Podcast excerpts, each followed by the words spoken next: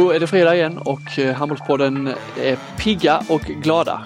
Eh, Johan Flink eh, sitter i Helsingborg. Jag sitter här i ett, på en pulserande Kristianstadsbladet redaktion som laddar upp, jag vet inte om alla laddar upp, men vi på sporten laddar i alla fall upp inför helgens Champions League-match. Den största i, i alla fall klubbens historia får man säga, åttondelsfinal mot Flensburg. Är du lika pigg på den Flink? Ja, så, jag är så pigg på den så att jag kommer att åka dit och att eh, min eh, chef och redaktion tycker att det är värt att, att jag åker dit. Så att jag kommer vara där på lördag. Det är inte så jäkla ofta jag är i Kristianstad, det ska ju erkännas. Fick du eh, sälja eh, in matchen till cheferna på något sätt eller det var givet att eh, bevaka? Det kanske var rätt givet. Jag eh, försökte inte ge dem något, någonting att fundera på. Jag skrev att det är min bestämda uppfattning att vi ska vara där. Mm. Eh, och eh, det var väl ingen som eh, protesterade mot det. Och det var väl ingenting heller som eh, direkt kolliderade. Det är damernas EM-kval men just det EM-kvalet kan vi återkomma till. Men, men är det den största matchen? Jag vet ju att det är ju så man säger och det, det är det väl per definition eftersom Kristianstad aldrig har varit så långt i Europa. Men är inte SM-finalerna större då? Jo, alltså om man ser till snacket på stan och eh, hypen och eh, alltså hela puls, pulsen och allt runt omkring så är ju SM-finalerna fortfarande rätt mycket större. Mm. Eh, men det är väl, eh, ja, som du säger per definition så är det ju den, ja det är ju alltså största matchen med tanke på motstånd och mm. var man är någonstans i, i Europaspelet. Så, så visst är det det, den, den kommer vi att ta på, på största allvar såklart. Eh, det är ju häftigt. Det är inte så ofta vi har haft svenska lag generellt heller i så här långt i Europa och särskilt inte med det här nya systemet där det blir krångligare och krångligare att ta sig vidare. Ja absolut. Nej jag vet inte, det är det Ja, RIK vann ju Europacupen 59 tror jag det var. Eh, mm. Men det var ju någonstans eh, före modern tid, eller vad man ska kalla det. Det var i fall i, i med handbollsmått mätt. Annars har vi väl RIK va, i en kvartsfinal. Kvart. Ja, precis. Kolding eller? Jag, jag var i, det var när jag, innan jag fick fast jobb på Aftonbladet, men jag var ju på Aftonbladet. Eh, var vikarie. Jag fick faktiskt åka ner till eh, Kolding. Jag såg den på plats. Ja, då borde du ha koll på det. Jo, men jag blev lite osäker om det var åttondel eller kvart. Kvart var det på för, eh, de gick ju, det var, fanns bara, det var direkt kvart eh, det året tror jag. Ja ja, det var väl på ett vis lättare att ta sig eh, så långt fram. Och sen har väl, eh, vad har vi mer? Sävehof har varit framme också va? Sävehof har varit framme eh, två gånger. Ja. En gång med Kim och, och Laron. Var det mot Flensburg eller? De har väl mött eh, Köpenhamn också? Ja okej. Okay. De gick ju vidare där då när Köpenhamn var det året de var, eller de, under deras korta storhetstid. Jag tror de gick till mm. Final Four det året om jag inte är helt snett ja. på det. Ja. ja, men det är de två klubbarna då i varje fall och så är det kanske vid tre tillfällen om vi nu då snackar lite modern tid. Så var det då inte för att förringa deras insatser då men det var lite enklare. Det var mindre grupper och fler lag som, eh, inte fler lag som tog sig vidare men det var det var fler grupper och eh, färre lag i varje grupp. Eh, lite eh, varierande kvalitet på motståndet också så det var ju lite lättare att ta sig vidare då också. Ja precis. Det, är ju, det, det var inte så många från, från toppligorna och den här divisionsindelningen heller. Ju, så att, Nej. Flensburg, är det, var det ett av drömlagen för både IFK och för er som, som lokal ja. tidning? Alltså jag tror att IFK tycker nog att det är ganska gött. Jag hade ju hellre sett att de fick, alltså i och med, de möter ju Flensburg här nu varje, har mött dem de senaste fem åren tror jag eh, i samband med beachhandbollen så de eh, känner ju varandra väl för att aldrig ha mötts i en eh, tävlingsmatch så att man är ju det är ju inget nytt direkt så att de kommer hit, Flensburg. Det är ju ett lag som publiken ändå liksom har sett och som vi har sett en hel del. Så jag hade ju hellre sett Vesprem. Men visst, jag tror IFK är nog glada. Det är ju fler svenskar, eh, många svenskar. Det lockar alltid att det, är, att det är så många spelare man känner igen. Det hade du å andra sidan varit i Vesprem också med, med Vranjes och Säterström och mm. Andreas Nilsson. Varför hade du velat ha just Vesprem? Nej men jag är lite trött på Flensburg. Jo, jo, det förstår jag. Men just Vesprem istället för Nej, Ja, ja, det kunde för ha blivit dem, ja. Ja, det Ja, ja. var i princip bara de det sett. stod. Men annars Mm. hade man Ja, ja, velat ha ett eh, PSG kanske eller. Men Ja. ja. ja, sen där Kiel hade det också kunnat bli. Det hade med varit häftigt. De har, eh, det hade kanske varit ännu hetare. De är ju välkänt. Alla känner till Kiel och de har aldrig varit Mm. här heller. Så att, eh, men visst, Flensburg, många kända ansikten. Det blir många eh, svenska EM-spelare på planen då va? Henningsson, Lagergren, Banne, Jeppsson, Gottfridsson. Gottfridsson. Så Mattias Andersson Tobias Karlsson var inte med. Och Holger Glandorf som har slått rekord i Bundesliga häromveckan. Förra veckan var det väl? Bästa målskytten någonsin. Spelmål. Spelmål.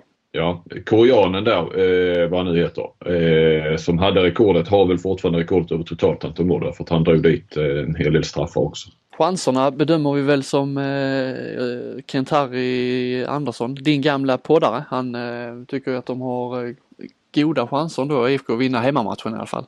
Jag tror väl att de skulle kunna göra det, inte minst tack vare eller på grund av eh, Flensburgs.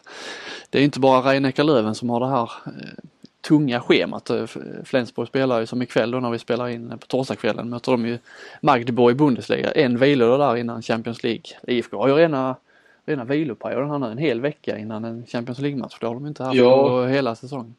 Nej, det, är ju, det kan de inte gnälla över. Sen tror jag ändå att Flensburg, det är ju inga, det är inga dumhuvud direkt som, som spelar där. De, eftersom de har varit där, tror till och med de har förlorat, förlorat någon träningsmatch mot eh, Kristianstad så de, eh, det är inte så tal om någon underskattning eh, och så. Så att jag tror ju ändå att Flensburg har tillräckligt bra koll på grejerna för att gå in liksom fullt i den här matchen och de känner till det IFK skitbra, kanske bättre än något annat lag som IFK hade kunnat få möta. Så att eh, av den sportsliga synvinkeln så tror jag väl inte att eh, Flensburg var en drömlottning så direkt. Nej.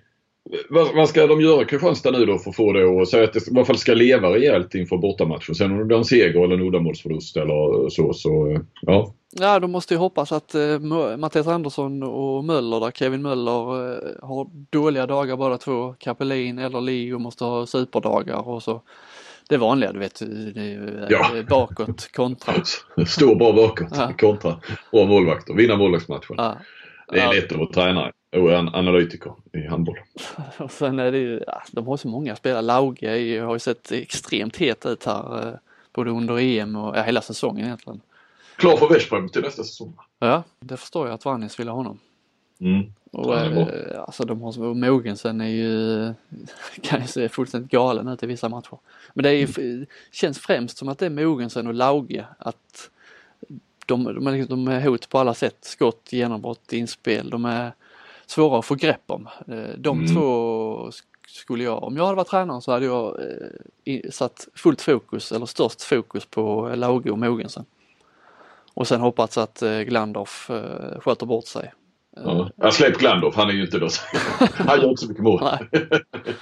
Och sen eh, framförallt stäng högerkanten eh, med Lasse Svan där. Han, Ola Lindgren vill ju gärna att kantspelarna ska pressa inåt och eh, han vill aldrig ha några avslut utsida två utan då tar han hellre kantavslut. Men jag vet inte tusan om det inte är bättre i en sån här match att släppa utsida två och i alla fall på högerkanten där eh, Lasse Svan. Släpp Glandorf ja. Ja, släpp Glandorf. Där har vi, där har vi nyckeln. Så jag tycker Ja. med att man kan släppa Vanne lite. Han har inte alls samma eh, procent som Lasse Svan har. Nej, oj oj oj. Släppa Vanne alltså. Säger, eh, säger Robin. Eh, Ja men missar han ett par eh, avslut i början så har de inte direkt något alternativ där. Så att Nej. det kan bli nyckeln. Vi har alltid hyllat Vanne här men Ja, just visst. i den här matchen, släpp Vanne. Ja, Och ja. Glandorf. Ja. ja, bra. Jag skriver upp det. Jag antecknar det här. Ja. Ja, bra. Sen är det ju lite med IFK saknar ju Freiman där. Eh, Magmuskelskada missar i båda matcherna så att det vill ju till nu att eh, Gunnar Stein kommer upp i samma nivå som han gjorde mot Guif. Det är lite skillnad i motstånd ju så att eh, mm, Det är inte riktigt bra att eh, Freiman är borta nu. Nej, alternativet är väl att köra Ola för som eh, mittnia och Henningsson som, som Mm. vänsternia men det orkar de nog inte med en hel match. Nej.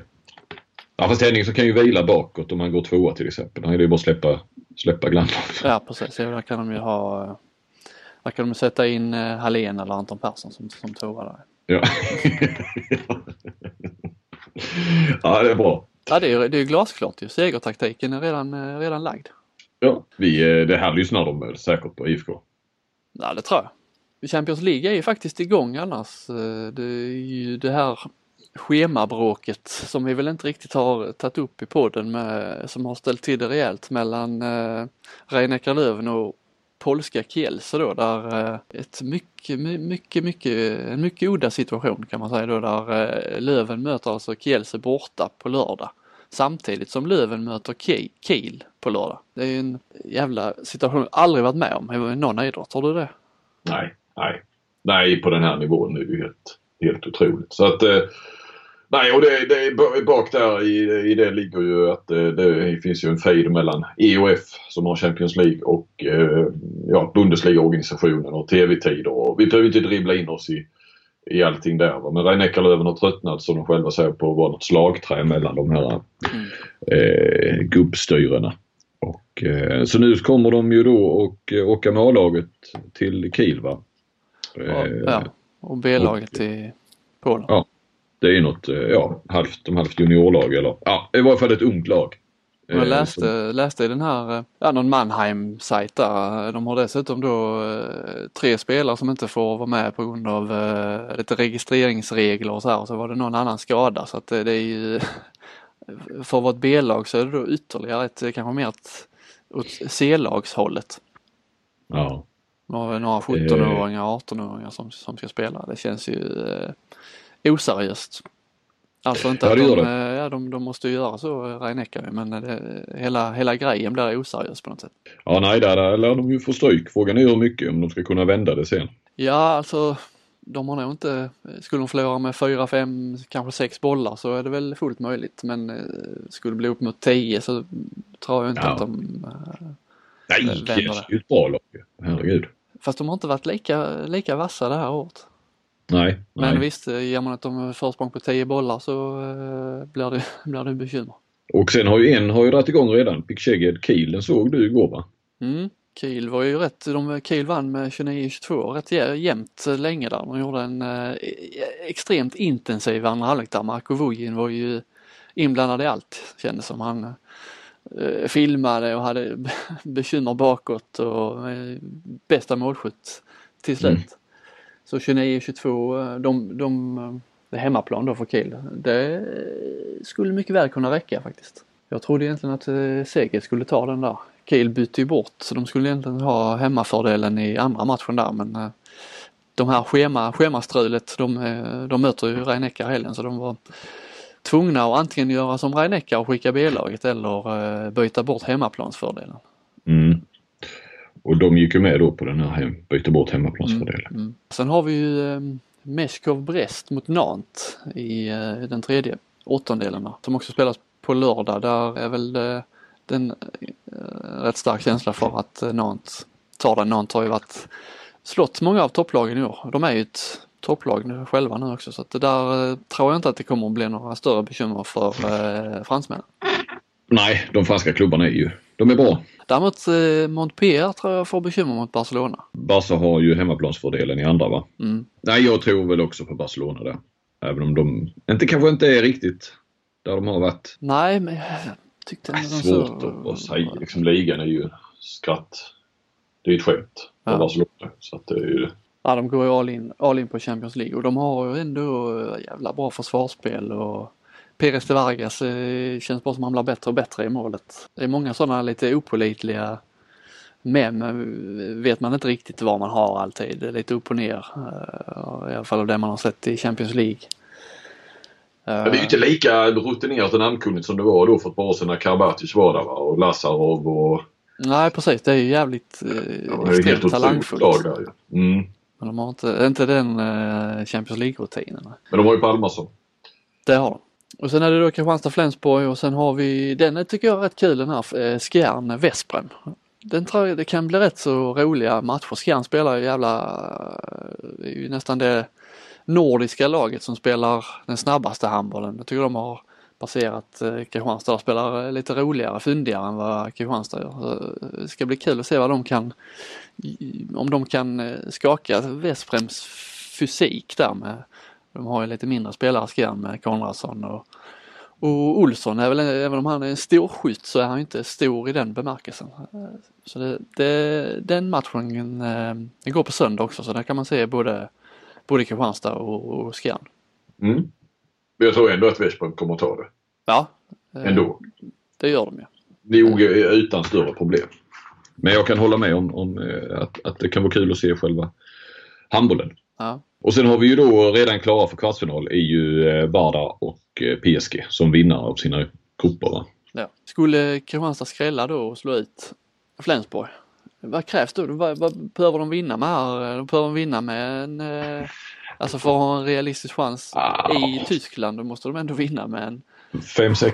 Ja, minst. 7 skulle du säga? Ja. Det är inte, det är inte ovanligt att det starkaste laget förlorar med ett par bollar liksom på bortaplan och sen ändå fullständigt eh, kör sönder eh, på hemmaplan. Så att, eh, det är väl... Eh, ja, ja alltså Flensburg kan ju mycket väl vinna med 8, 9 eller 10 om de får en träff på hemmaplan. Men jag menar har då Kristianstad ändå en 5-6 bollar och, och de kanske inte eh, drar iväg i första då blir det ju nervigt för Flensburg. Alltså då, nu är vi ju långt, långt fram här. Nu ska vi spela en match först. Men, men eh, då kan det smyga sig in lite. Men det är klart att rent så om vi skulle om båda lagen gör toppmatcher så, så skiljer det ju säkert 5, 6, 7, 8 mål kanske. Mm.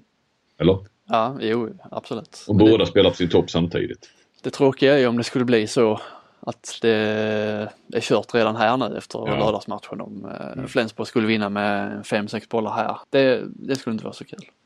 Nej, det finns en skrällchans. Annars får väl Kristianstad se det som att eh, det är lärpengar eh, för framtiden. Man ska ju fortsätta bygga på något vis. Även om man tappar spelare så, så handlar det ju om att förbereda eh, klubben, organisationen och hela, ja, att, att lära sig för varje steg man tar. Mm. Men släpp Vanne och släpp eh, Glander för utsida två. Ja, där har ni det.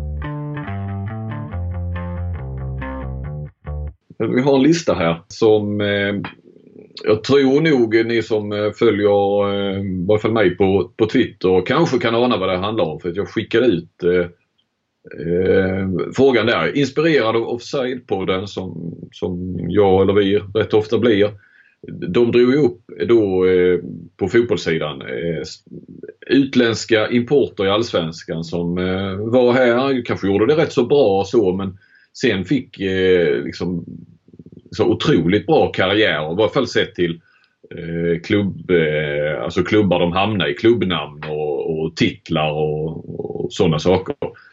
Eh, de hade ju bland annat eh, McDonald Mariga va, som var i HIF och som är, sen hamnade i Inter. Härlig eh, spelare.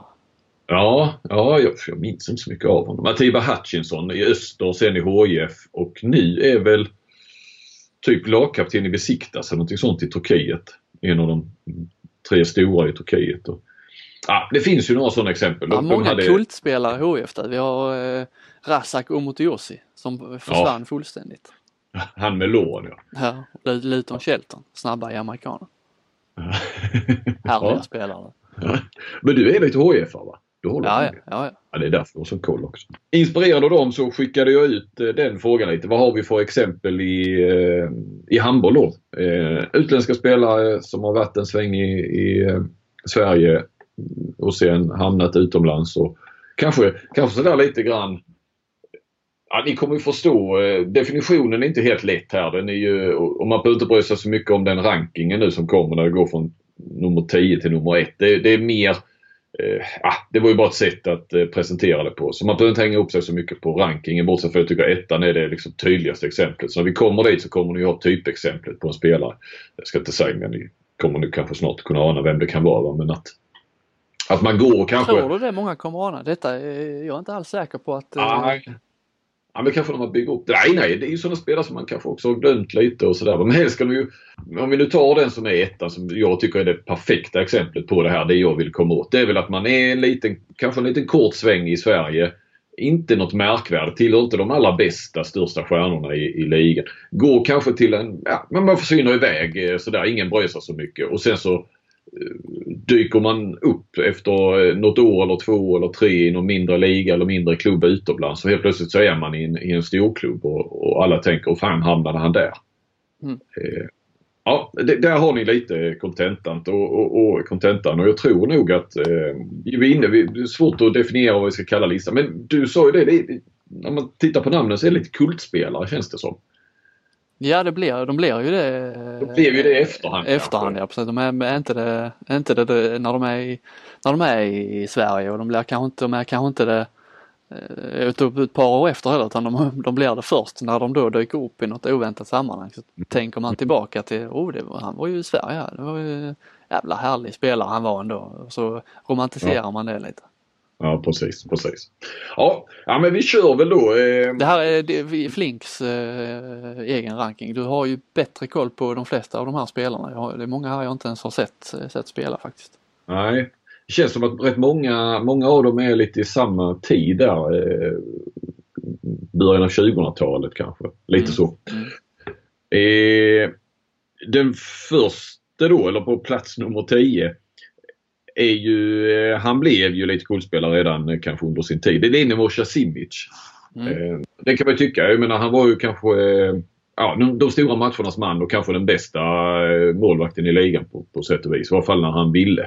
Mm. Så det var ju ingen som kom och, och, och, sen... Men ser man till att han... Man glömmer kanske att han första kom ju väldigt okänt till H43 och, och sen var han i Malmö. Där tog det lite fart och sen ut till Kristianstad och sen så blir det ju stegande. Det, det, här är inte det perfekta exemplet men jag, vill, jag tycker ändå Simic kan, kan platsa och eh, nu ändå i Melsungen, övre halvan i Bundesliga.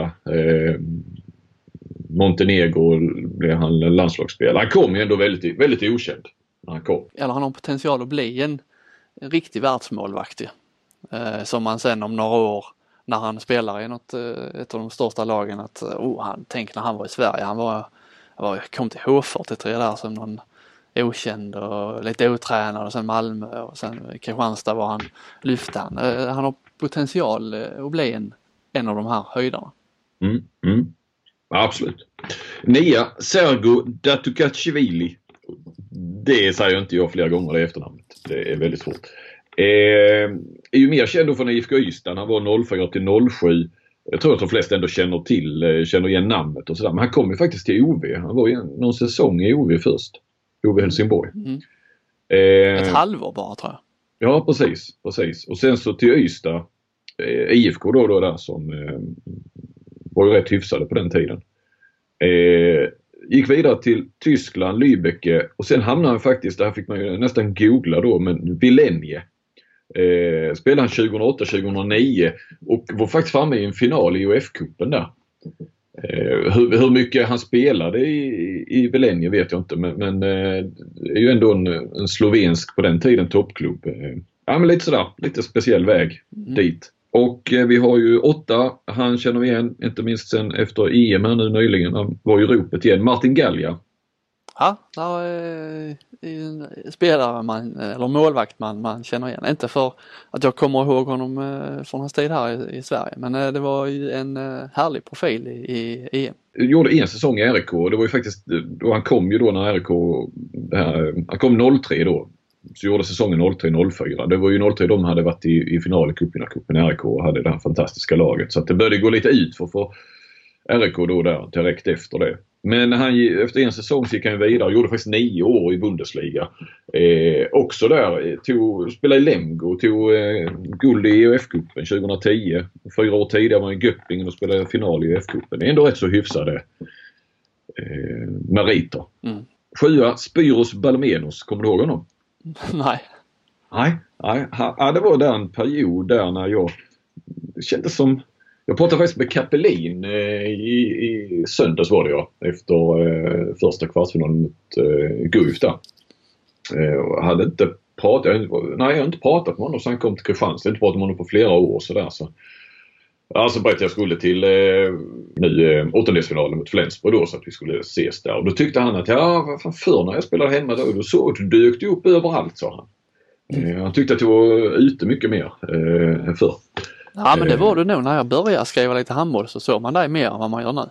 Ja, det var väl då när jag var i Stockholm och, och var, ja precis, det fanns, det var lite annorlunda på den tiden. Vi var ju mer ute också på, på matcher så här. Nu, nu är det liksom, nu ska det till något speciellt därför att annars är det viktigt att vi sitter och live-rapporterar allsvenskan eller skriver om, eh, håller koll på någon internationell fotbollsmatch och lite sådär. Mm. Ja, det var lite förtäckt kritik kanske. eh, men Spyros var ju i Sävehof då eh, 04-06 men kom ju till Guif. Eh, de plockade honom från Grekland där. Jag vet inte riktigt hur det gick till, vad kontakterna där var. Men han kom eh, 2002 till, till Guif. Sen plockade Sävehof honom. Men eh, han var ju lite det var ju en storskytt men eh, kanske inte riktigt sådär skolad och sådär. Det såg lite, kunde se lite kantigt ut. Och, och så. Här, här är det inte så mycket var han gick vidare sen. Eh, men han var ju där i Sävehof när de var, eh, hade några bra år där. Han var, ju, han var ju i Bundesliga sen, eller i Tyskland i alla fall i eh, fyra, fem år va? Ja det var han kanske. Jag, eh, den här listan satte jag upp inför. Jag har faktiskt inte skrivit riktigt var han hamnade sen utan det var ju lite mer faktiskt att han det var ju i och för sig under Sävehof-tiden där va? men att han, han var ju så framme ändå. Han var med och spelade en kvartsfinal i OS 2004 hemma i Aten. Och eh, 2005 eh, blev de sexa i VM Grekland. Det var ju då eh, Ulf Schäfert hade de. Mm. Eh, så det var ju ändå en, eh, fast även om det var under tiden i, i där så, ja, jag ville ha med honom ändå. Så att han ändå i Sverige växte eh, skolades väl lite mer och blev ju helt klart en bättre. Och så var fan till, tänk att han spelat kvartsfinal på hemmaplan i OS. Det är mm. häftigt. Ja. Han avslutade sin karriär, jag har ju listan framför mig här, avslutade sin karriär i Tirol, Österrike 2014. Ja. Var, var var han i Bundesliga? Där var han i eh, Melsungen, Ballingen och Dormagen. Inte om Dormagen, om de låg eh, i Bundesliga då vet jag faktiskt inte. Nej, och Melsungen var ju inte riktigt vad Melsungen är idag. Nej, eh, men det var ju mellan 2006 och 2010 var, ja. han, i, var han i Tyskland. Alltså. Sen var han ja. en sväng i Norge och Österrike och hemma i Grekland ett år. Mm. Eh, många sådana här, om man tittar på, på listan på dina spelare, det är många som har en eh, extrem karriär med klubbyte. Som har representerat en jäkla massa klubbar. Ja. Och sen har vi en som vi inte nämnde för så länge sedan i, i podden här, Johan Kock. Mm. Eh, och där har vi sådär, eh, fick inte förlängt då med Kristianstad 2013. Fick lämna och, och se till Schaffhausen och sen helt plötsligt bara dyker han upp i, fick han chansen nu i Berlin efter lite skador här i januari var det va? Ja, han var väl en sväng i Tyskland först också innan Schaffhausen. Mm. Eh, men sen har han ju, härifrån att bli ratad i Sverige till att hamna, få speltid i eh, topplag i Bundesliga. Det är inte på så många år heller. Det är en rätt häftig eh, resa. Mm. Ja, verkligen. På femte plats är ju ett namn som inte många tar men som ändå ska med på den här listan sett till vad han sen gjorde efter. Sigurd Waller Svensson, islänning. Olympia? Ja, det är ju alltså eh, Olympia Helsingborg som sen slås ihop med Vikingarna och blev OV Helsingborg då. Eh, de hade ju de var ju en av de där klubbarna, det fanns väl lite sådana i olika lagsporterna som drog in en jäkla massa pengar på bingo tror jag. På 70-talet. Mm. Eh, plus om de hade någon eh, gynnare också. Så de, de drog ihop ett lag där slutet på 70-talet som var uppe ett par svängar i... Gynnare? I, eller, ja. som var uppe i, ett par nej de var uppe två år tror jag bara i slutet på 70-talet i, eh, i elitserien eller allsvenskan som hette. Och, och, och, du vet de var väl ett par danskar. Eh, Thomas Patsyc, Patsy, kan du, Claes Helgen eh, gillar honom. Mm. Eh, han sköt lika bra med båda händerna. Eh, och sen hade du framförallt Lars Bock som eh, spelade i Olympia 75 till 78. Eh, och han var alltså någon här supertalang som tog ut sig i världslaget 1975 som 20-åring. Och eh, sen eh, var han med och, och på, eh, blev, spelade semifinal vid EM och var med i OS under den tiden han var Olympia. Men sen så knäskador satte stopp så han tvingades lägga av redan som 23 år. Men eh, han är ju en av de, liksom, kanske en av de bästa spelarna som spelat i elitserien faktiskt. Mm. Eh, av, av de utländska. Då. Så att det, det, var ju de här två danskarna och sen var det ju Hans Svensson. Eh, och han rankas ju som en av de största i, i, på Island då genom tiderna. Men var hade ju sina bästa, bästa tid uh, efter då den här säsongen i, i elitserien. Han drog vidare och vann faktiskt uh, skytteligan i Bundesliga 1985. Alltså en, uh, sex år efter han lämnade Sverige. Mm. Så den, han ska ju med. Han ska med rätt högt upp. Jag sitter eh, fortfarande och tänker på gynnare, vad menar du? Gynnare? Ja men alltså, ja men någon, med lite pengar så. Som, ah, ja, ja okej. Okay. Jag tänkte, oligark. Hade de, hade de en liten gynnare? Hade de en liten, eh, en liten eh, jävel, en liten idiot? Som... ja, ja, nej, nej, nej, nej. Det kan ha varit någon som gick in med lite pengar också. Eh, kanske inte så liten, kanske var stor, jag vet inte. Här vill jag reservera, reservera mig lite för uttalet. Men på fjärde plats, eh, Denor Janima. Mm. Kan det vara rätt uttalat? Janima. Janima, tack. Nej, jag har ingen... Estniska är inte min eh, hemmaplan. Nej. Han kom ju alltså då, det var ju sånt som man... Jag kommer ihåg att han var en av de bättre. Han var spelade i Lindesberg i ett par säsonger, 2009-2011. Men det var ju, ja man minns ju liksom namnet sådär va, men det var ju ingen så som man la märke till speciellt. Han kom ju också från då det här fantastiska klubbnamnet Chocolate Boys i Estland. Det är en av de bättre eh, estländska handbollsklubbarna. Chocolate Boys. Men hur som helst så, så dök ju den här då eh, Janima, eller Janima eller vad nu uttalas. Eh, han dök upp i Kiel för två år sedan var ju inte där så länge va men, men eh, det var ju lite speciellt. Eh, han har ju också spelat i Melsungen och i Lübeck. Men han, den här borde du ju. Plats tre. Kasper Ottesen. Mm. Eh, Hammarby. Det var en av eh, få spelare på listan jag eh, kände till eh, på förhand. Högersexa. Eh, kom från eh, Bodø i Norge till Hammarby 2010-2011 den säsongen. Eh, var han med var väl inte heller någon, eh, det var inte någon stjärna i, i ligan. Nej men oh, lite kult också. Kultvarning på honom. Ja, ja. Men, men hur som helst så fick han ju chansen i, i FC Köpenhamn då det här året som det, den säsongen vi var inne på tidigare. Eh, lämnade Hammarby, gick till, eh, nej vad sa jag? FC AG Köpenhamn menar jag, vad jag än sa. Och var alltså med i Final Four eh, 2012. Jag tror, alltså han spelade inte många minuter om jag minns rätt i AG. Men nej, eh, nej. Han, var, ju, han var ju med där då med det var ju Kim Andersson och Kasper Witt och Mikkel Hansen va? Ja. Men, men Kasper Ottosson trea. Och eh, tvåa Daniel Kubes. When you're ready to pop the question, the last thing you want to do is second guess the ring. At BlueNile.com you can design a one-of-a-kind ring with the ease and convenience of shopping online. Choose your diamond and setting. When you find the one, you'll get it delivered right to your door. Go to Bluenile.com and use promo code LISTEN to get $50 off your purchase of $500 or more. That's code LISTEN at Bluenile.com for $50 off your purchase. Bluenile.com code LISTEN. Eh, gjorde ju det bra. Han var där tre säsonger. 2001 till 2004. Det bland annat ett SM-guld med Magnus Andersson som spelande tränare. Kom ju från Tjeckien. Dukla Prag. Mm. Kändes ju i alla fall okänd då när han kom. Eh, som sagt var, var ju alltså helt okej okay då i ett, i ett drott som var bra. Men eh, sen så blev det ju nästan lite mer. Eh, så gjorde han 10 år i Bundesliga och eh, fick ju spela i två säsonger i Kiel. Eh, och var med och vann, Champions League 2012. Alltså när han var i idrott var det väl ändå ingen spelare man trodde skulle eh, spela två säsonger i Kiel och, och vinna Champions League. Nej. Han, han passar också bra in här. Men eh, nu, ska, nu har vi kommit fram till första platsen. Och nu är det dags? Ja. Nu är det dags för Erik Gull. Argentinaren. Som gjorde en säsong i Lugi. Eh, 98-99. Härlig sen, kroppsform har, har han. Vad sa du? Härlig kroppsform. Ja, vi snackar väl inte en sugrörsben utan snarare tandpetare. Mm. Han var väl, eh, han var ju grymt lång. Han var väl en bit över två meter.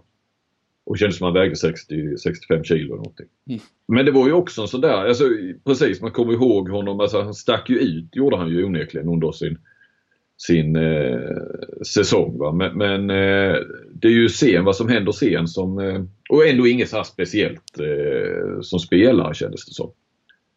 Men han har eh. att, alla attribut för att kunna kallas kultspelare också.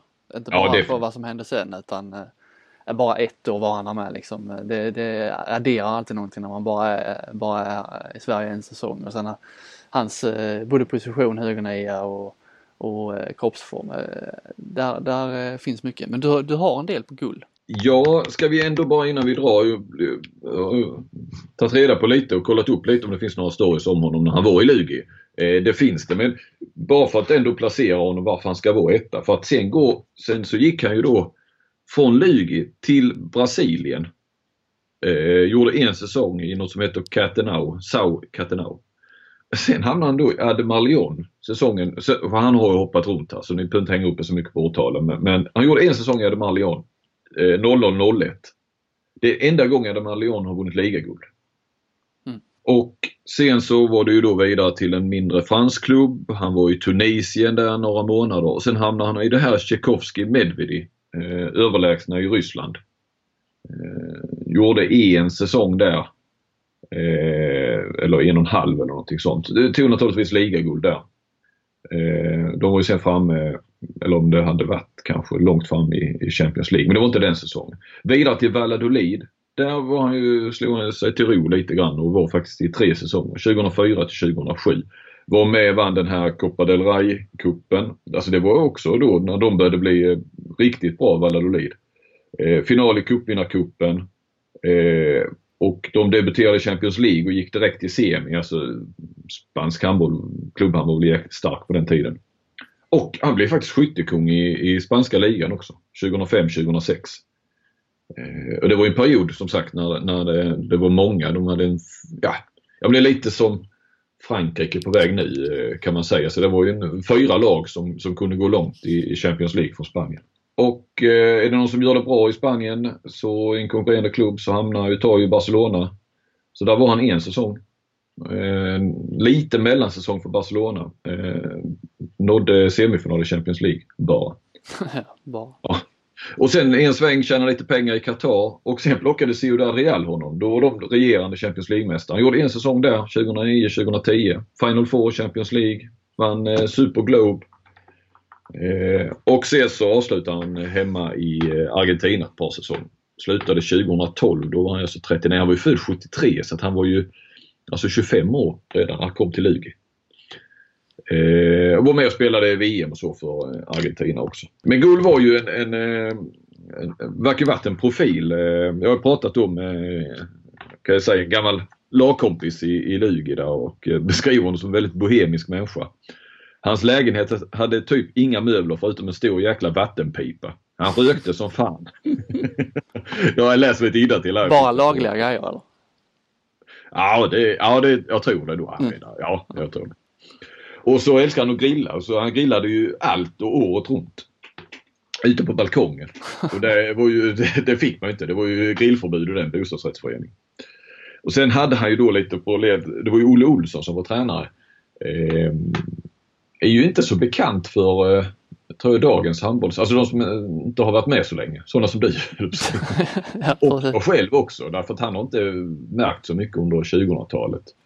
Eh, han tränade Lugi då. Eh, jag kan säga att eh, Bolltroll, Glenn Jönsson, hade ju en lång intervju med honom i, som gick i flera delar som, som ligger som en ja, podd.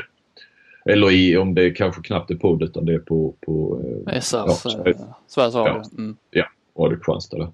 Men eh, han var ju rekordung eh, eh, elitserietränare. Han var ju bara en 27 eller någonting sånt tror jag. Eh, ja, har ju sedan, eh, var ju tidigt utbildad, gick på GH och införde lite eh, ja men nytt, eh, tränade, eh, körde hårt med sina spelare och sådär.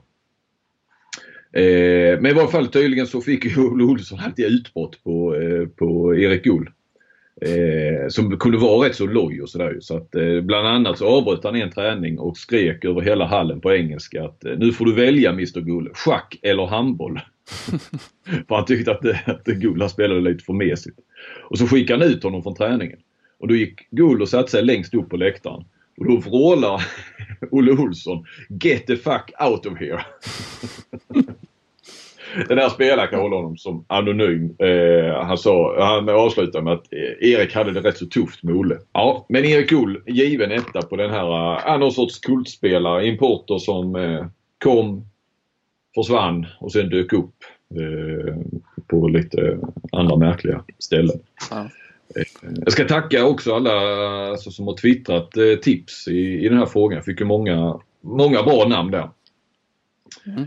Eh, och eh, vi hade ju också eh, några, där finns väl några som hamnar precis utanför som, som kan nämnas. Eh, och som man kanske också kommer att se på ett annat sätt om några år. Eh, inte den första, Vegard Samdahl, en norrman som var i Skövde i många år. Eh, och sen gick vidare. Eh, platsade inte här. Sen har vi ju faktiskt Christian Björnsen, Christian O'Sullivan. är ju två stycken som ändå i men det är liksom för tätt inpå. Va? Men, men de kom ju ändå, visst bra spelare från början till Kristianstad. Blev absolut bland de bästa i, i, eh, i ligan. Eh, så det var inga sådana som Erik Olsson bara försvann och man tänkte att det, det blev aldrig något. Absolut inte. Men de, gjorde, de gick ju ändå till att, bli, till att spela VM-final och eh, EM och, och sådär. Väntar väl lite att de ska hamna i ännu större klubbar i, i Tyskland kanske. Ja i alla fall Björnsen har vi väntat mig på. Nu förlängde han ju med, med Wetzlar så det, det, det dröjer väl men det, det, har ju funnits intresse från eh, riktigt stora klubbar så förr eller senare så ja. hamnar väl han där eh, på ett eller annat sätt. Eh, Kaupo Palma och Danne Sian har jag inte glömt. De platsar inte här. Eh, två stycken som Danne Sian var ju lite, det kändes ju nästan lite Simic sådär. Med de här lite extra kilorna. Det kanske ingen mm. du kommer ihåg. Han var ju fruktansvärt bra i Guif. Jag kommer inte ihåg att jag spelar men när, man, eh, när jag bara googlar honom så jag känner igen, eh, känner igen honom så men jag har ingen direkt bild av att jag har sett honom spela så. Nej. Ja, jag kommer ihåg, jag gjorde ju en grej han, han hade ju 68% på en match, en hel match tror jag. Mm. Jag kommer ihåg vi hade bara rubriken som Mr 68 eller något sånt. Det var nog det högsta då i varje fall. Jag vet inte sen om det har funnits andra som har varit upp. Han gjorde en säsong i Guif 04-05. Hamnade, alltså var väl sen i Danmark tror jag. Eh, jag kommer inte ihåg riktigt vilket lag det var nu. Men Flensburg var han ju faktiskt i en säsong. Kaupo Palma också i Flensburg efter massor av år i, i IFK Ystad. Eh, kollade honom lite grann, Kaupo Palma då, googlade lite. Det visade sig att han bor på, han är ju tillbaka i Ystad. Jag tror han är gift med någon från Sverige. Och bor på Bråkmakargatan. Mm -hmm. Det är ju lite kul. Lotta på Bråkmakargatan, du vet, Astrid Lindgren. Ja, jo det känner jag till. Men nu är det Kaupo på mm. Bråkmakargatan. Ja. Eh, ja, det var några namn och det, det fanns, eh, det, det, det, fanns eh, fler namn också. Men det är väl de som, Stian Tönnesson var det någon som nämnde också. Sådär. Men, eh, ja, kul lista. Alla kvartsfinaler är ju spelade här nu, eh, första kvartsfinalen alltså. Sen, sen vi poddade senast, eh, inga större skrällar så direkt. Eh, det som väl har blivit en liten snackis i, i de sociala medierna är väl publiksiffrorna i så fall som var eh, rätt så svaga på alla håll egentligen. Eh, ingen som var eh, uppe och, och gjorde några eh, större hopp från sitt ordinarie snitt i handbollsligan utan eh, tar eh, totalt Glenn hade ju bolltroll, han hade gjort en eh, sammanställning där. Eh, jämfört med förra årets första kvartsfinaler så hade det ju 400 sämre i, eh, i snitt. Och vad, vad det då kan tänkas bero på Eh, om det har med Seymour att göra, att de sänder så många matcher, det köper jag väl inte riktigt. Tittar man i, i alla idrotter egentligen som, som har fått till de här tv-avtalen där alla, alla matcher sänds så har det ju eh, överallt blivit motsatt effekt, att det har blivit eh, större intresse. Och det upplever jag väl ändå att det har blivit totalt sett även i handbollen sen, sen de började streama. Ja, det där är ju ett argument som man hörde inom fotbollen i början på 90-talet. När, när eller kanske slutet på 90-talet nästan. Ja, i varje fall när de här tv-avtalen kom och att nu skulle publiksiffrorna gå ner och så vidare. Och man fick inte visa tv eh, bara när det fanns en match samtidigt som, ja, hit och dit. Va? Men jag tror inte det håller. För det där, det bygger intresset snarare. Så att, eh, Nej, jag skulle säga den största, eh, om man bara går in och petar i den här, de första kvartsfinalerna så att Kristianstad hade 4 och 9 eh, första kvarten mot Guif i fjol. I år hade de 4 och 3. Redan där har du ju ett rätt stort tapp och mycket av den eh, Guif-siffran i år kan man väl skylla lite på att de eh, möter Flensburg här nu. Att eh, det är snarare den som folk köper när de köper liksom biljetter när de inte har årskort så, så, så är det kanske Flensburg-mötet man, man prioriterar. Så att eh, där har man ju en förklaring. En annan förklaring är ju eh, i fjol hade vi derby, Skånederby, Lugi Ystad. I år har vi ju inga Skånederby alls. Eh, som, såklart det drar ju ner siffrorna där var ju bra publiksiffror eh, både, både i Lund och i Ystad förra året. Och, ja, nu mötte Lugi i Redbergslid inte alls samma publikdragare om man jämför med, med Ystad. Så redan där tar du, tar du bort 600 från Kristianstad och tror det var ett par 300 minst i, i Lund också om man jämför deras snitt där. Så då, då, har, du ju, då har du ju förklaringen. Eh, och, och tittar vi på ligan i stort så är det ett litet, litet tapp va? Publiksnittet, alltså grundserien. Mm, knappt 100 tror jag. Och, och faktum är när jag kollade på det lite grann för, för någon vecka sedan så det är ju faktiskt Guif som mycket har räddat ändå håller uppe det faktiskt. För att mm. väldigt många lag har ju tappat. Alltså Ystad, Kristianstad, ja, Malmö ligger väl ungefär. Sävehof. Ja. Många lag har ju tappat, eh, vilket inte är bra, medan Guif då i sin nya arena har ju höjt det rejält.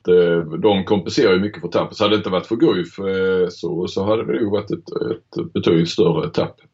Eh, det är det, nu, nu har vi haft flera år här med där nya arenor liksom har räddat upp snittet i fjol.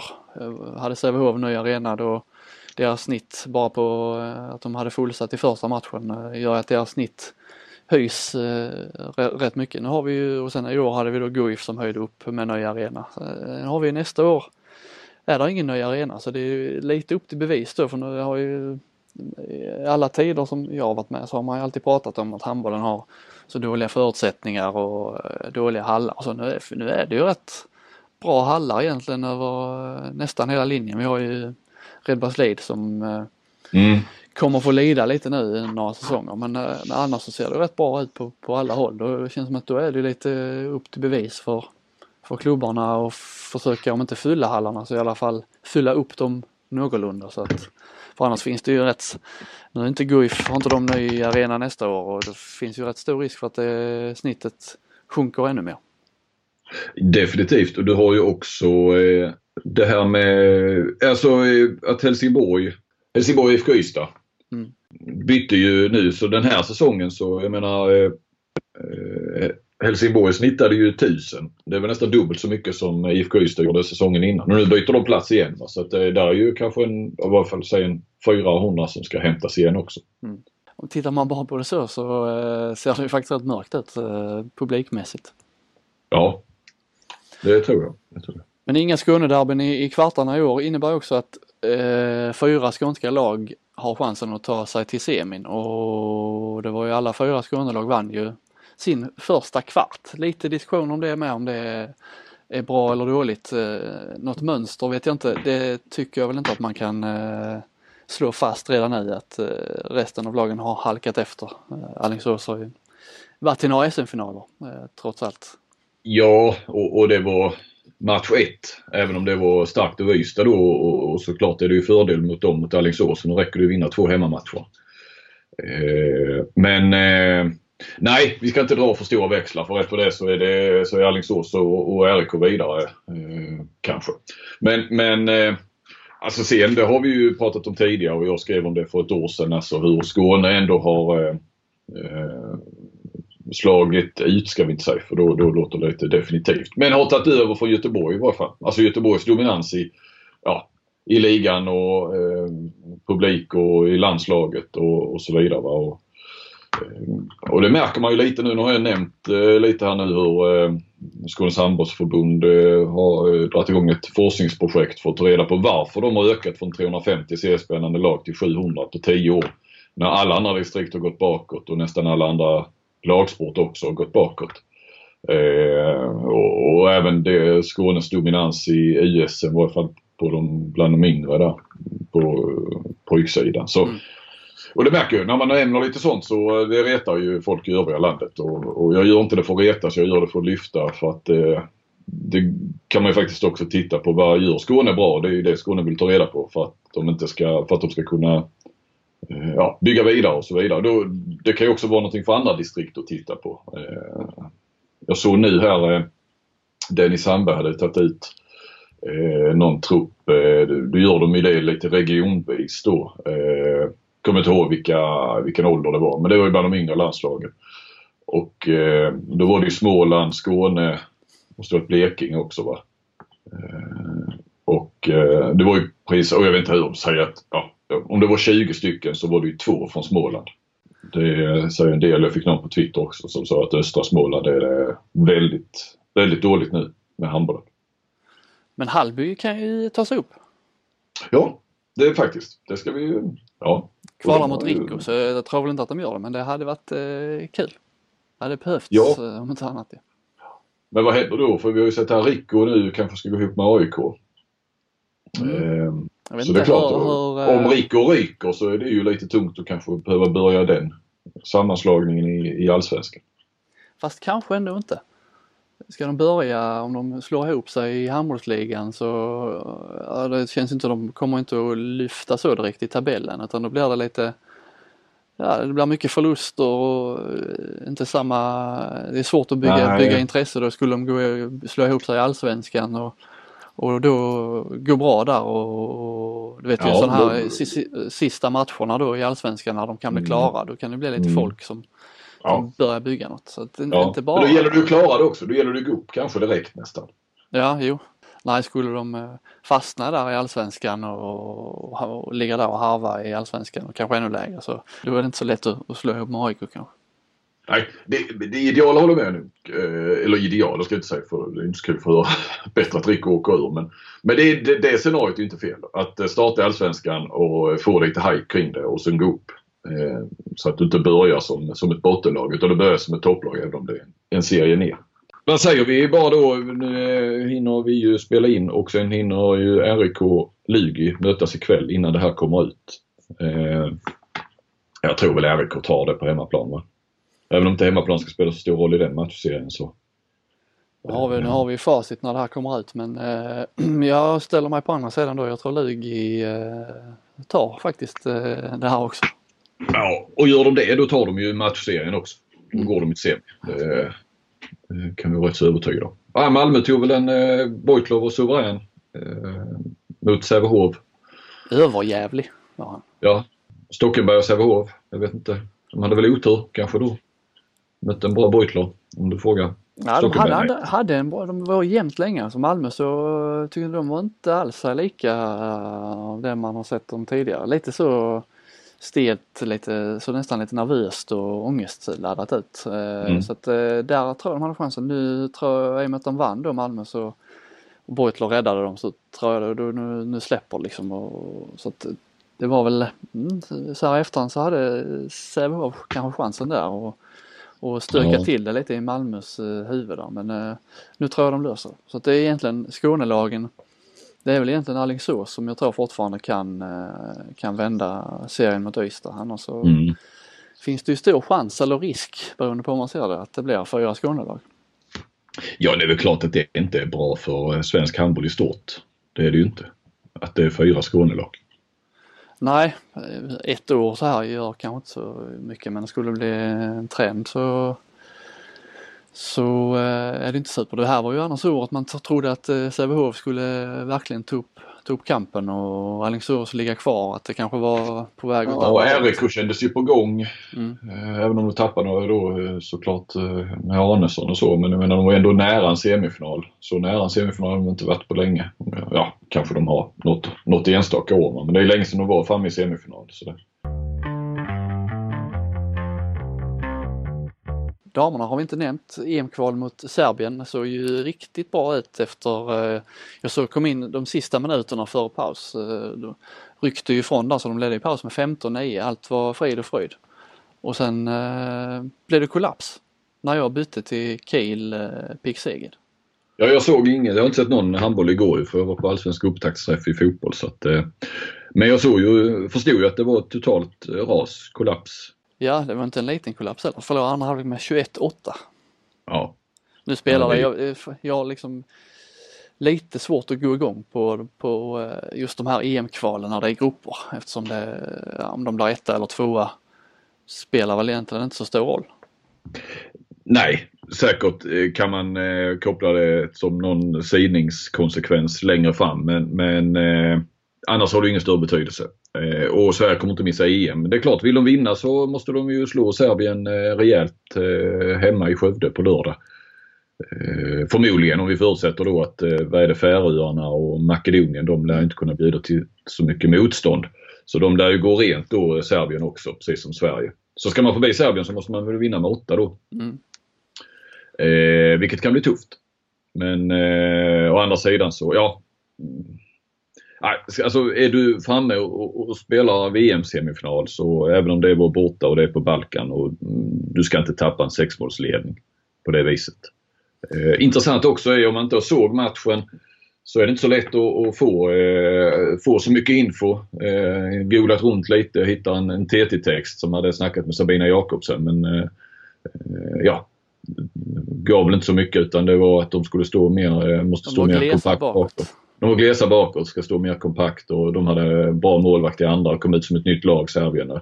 Ja, ja men det var väl lite det, det vanliga där så att... Eh, men Sverige ja. hade ju bra målvakt i första, ledde med sex. Det är inte bara att man tappar sex måls ledning för att motståndarnas målvakt är bra. Man tappar alltså och förlorar med sju. Mm. Det är eh, rikt, alltså, riktigt, riktigt ras. Det är som Sveriges eh, tapp mot Polen där, 28 förlorade de. det, det, det är värre än det. Som alltid kommer upp ja. ja.